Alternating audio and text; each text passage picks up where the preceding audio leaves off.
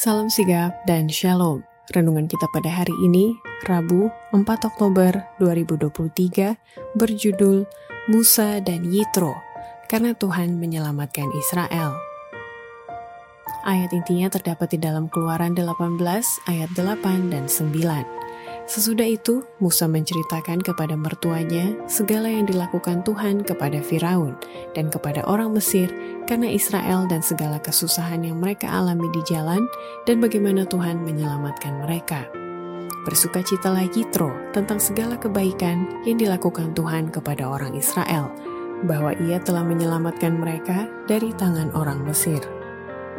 Pena Inspirasi menuliskan yang dimaksud dengan judul renungan kita pagi ini, Musa dan Yitro, karena Tuhan menyelamatkan Israel, adalah sebuah panggilan kehidupan yang praktis agar kita senantiasa tetap berusaha untuk menjadi orang yang bahagia, sebagai faktor yang menunjang kebahagiaan sejati dan sarana untuk memulihkan hubungan kita secara vertikal kepada Tuhan dan horizontal dengan sesama, sebagai berikut.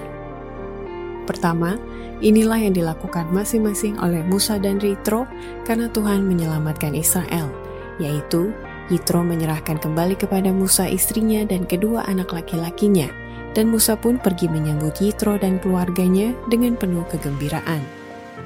Yitro telah mendengar tentang kelepasan orang Israel, dan sekarang ia berangkat untuk mengunjungi mereka serta menyerahkan kembali kepada Musa, istrinya, dan kedua anak laki-lakinya. Pemimpin besar itu diberitahu oleh pesuruh-pesuruh tentang kedatangan mereka, dan ia pergi menyambut mereka dengan penuh kegembiraan. Dan sesudah saling memberi salam, mereka pun dibawa ke kemahnya. Kedua, inilah yang dilakukan masing-masing oleh Musa dan Yitro, karena Tuhan menyelamatkan Israel, yaitu Yitro bersama-sama dengan Musa dan pemimpin-pemimpin Israel lainnya mempersembahkan korban dan mengadakan satu upacara pesta yang hikmat untuk memperingati akan rahmat Allah itu. Kepada Yitro, ia telah menceritakan kembali akan perbuatan Allah yang ajaib itu terhadap Israel, dan Yitro pun merasa gembira dan memuji akan Allah.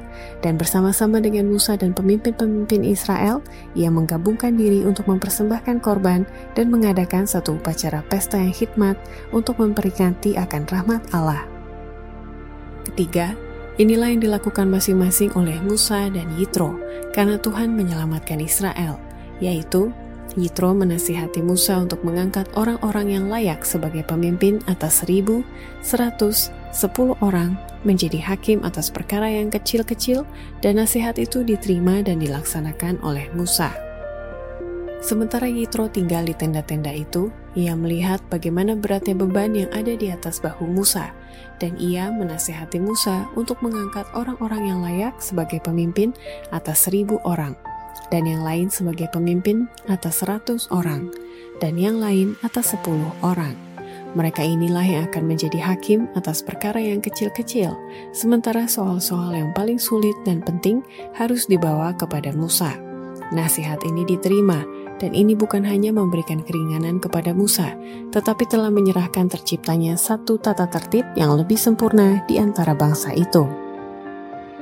Keempat, inilah yang dilakukan masing-masing oleh Musa dan Yitro karena Tuhan menyelamatkan Israel, yaitu sekalipun Musa telah dipilih untuk memberi petunjuk kepada orang lain, namun tidaklah menjadikan Musa harus mengambil kesimpulan atas segala perkara, sebagaimana yang dikatakan Yitro, imam dari Midian itu.